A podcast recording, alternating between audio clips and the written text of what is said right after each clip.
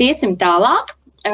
Nākošā tēma mums būs par līgumiem, par ko mums stāstīs kolēģe zvērināta advokāte Zane Akermane, kas ikdienā nodarbojas sarēnē ar līguma tiesībām, gan pati gatavo līgumus, gan izskata līgumus, kas ir gatavoti atbilstoši dažādu valstu tiesībām un pārbauda, vai tie ir piemērojami Latvijā, un attiecīgi Zana mums pastāstīs par Brexit ietekmi uz līgumiem. Lūdzu, Zana. Uh, labdien visiem! Uh, un tad tā, sākam. Uh, jā, kā jau Ieva minēja, Brexit beidzot ir pienācis. Mums ir beidzies arī diezgan ilgais pārējais periods, un kopš šī gada 1. janvāra apvienotajā karalistē Eiropas Savienības tiesības vairs nav piemērojams tādā pat apmērā kā citās dalību valstīs. Tas nenozīmē, ka Eiropas Savienības tiesības vispār vairs nav piemērojamas. Tur ir savas nelielas īpatnības, un par to es turpmāk pastāstīšu nākamajos slaidos. Vislielākās izmaiņas faktiski ir Uh, vislielākās izmaiņas, kuras mēs gaidījām pēc Brexit beigām, bija saistībā ar līgumiem piemērojamo likumu. Uh, mazliet atgādinot pamatlietas, tad uh, līgumam piemēro to likumu, par kuru pusi ir vienojušās pašā līgumā, tātad atbilstoši pušu izvēlei, vai arī līgums klusē par to, kāds likums tam ir piemērojams tādā gadījumā piemērojamo līgumu līgumam piemērojumu likumu nosaka pēc tiesību aktiem, tā izskaitā dažādiem starptautiskiem līgumiem. Tā, varam iet tālāk.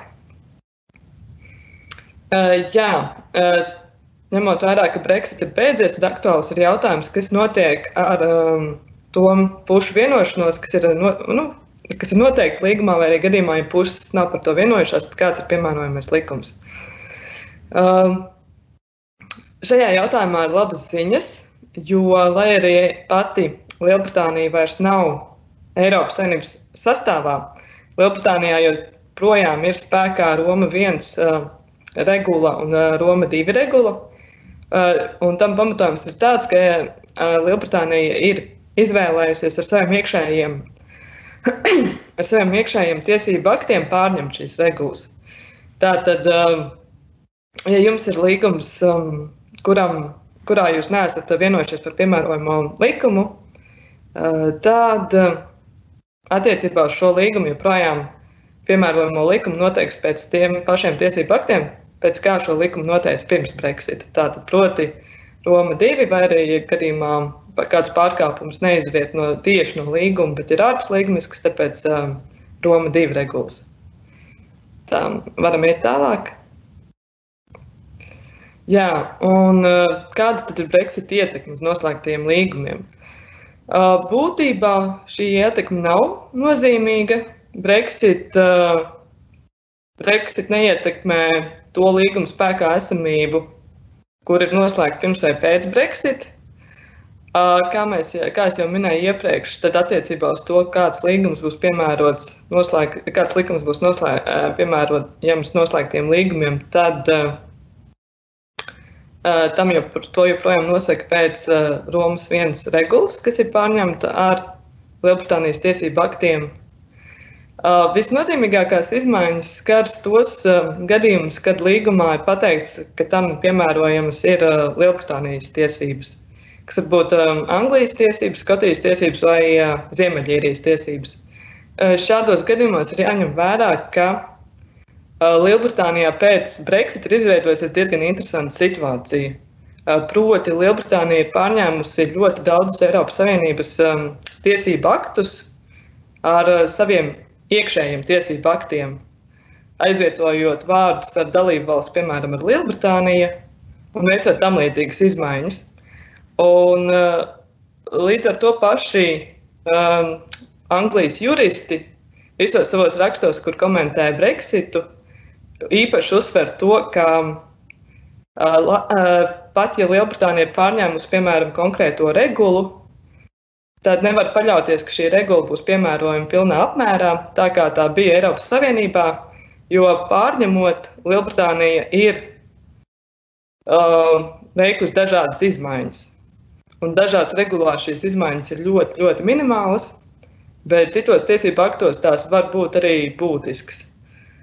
Tāpēc um, tas mēstījums īsumā ir tāds, ka uh, galvenais risks, kas ir līgumiem, kuriem ir piemērojams Lielbritānijas likums, ir tāds, ka pašlaik šo brīdi pat paši britu ne, uh, juristi nezina, kāds tieši šis likums ir.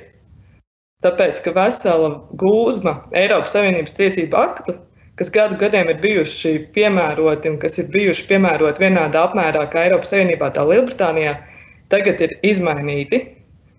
Un praksa tikai rādīs, cik liels svars būs, būs šīm izmaiņām. Tā kā, ja jums gadījumā ir ar līguma partneriem vienošanās par to, ka jūsu līgumiem būs piemērojams Lielbritānijas likums, tad, tad šis ir viens moments, uz ko ir jābūt ļoti uzmanīgiem. Un tā, nākamais slaids. Jā, un tā tad iepriekšējais slaids bija par ietekmi uz jau esošiem līgumiem, bet ko ņemt vērā turpmāk sadarbojoties ar saviem partneriem Lielbritānijā. Mūsu ieteikums ir rūpīgi izvēlēties piemērojamo likumu, jo sevišķi ņemot vērā to, ko es tikko stāstīju par to, ka Lielbritānijas, likums, li, li, Lielbritānijas likumi ir būtiski mainīti. Un nav īsti vēl līdz galam tā tiesību sistēmai nav skaidrs, cik būtiski būs šīs sekas. Tāpēc ir ieteicams rūpīgi izvēlēties piemērojamo likumu un noteikt to līgumā.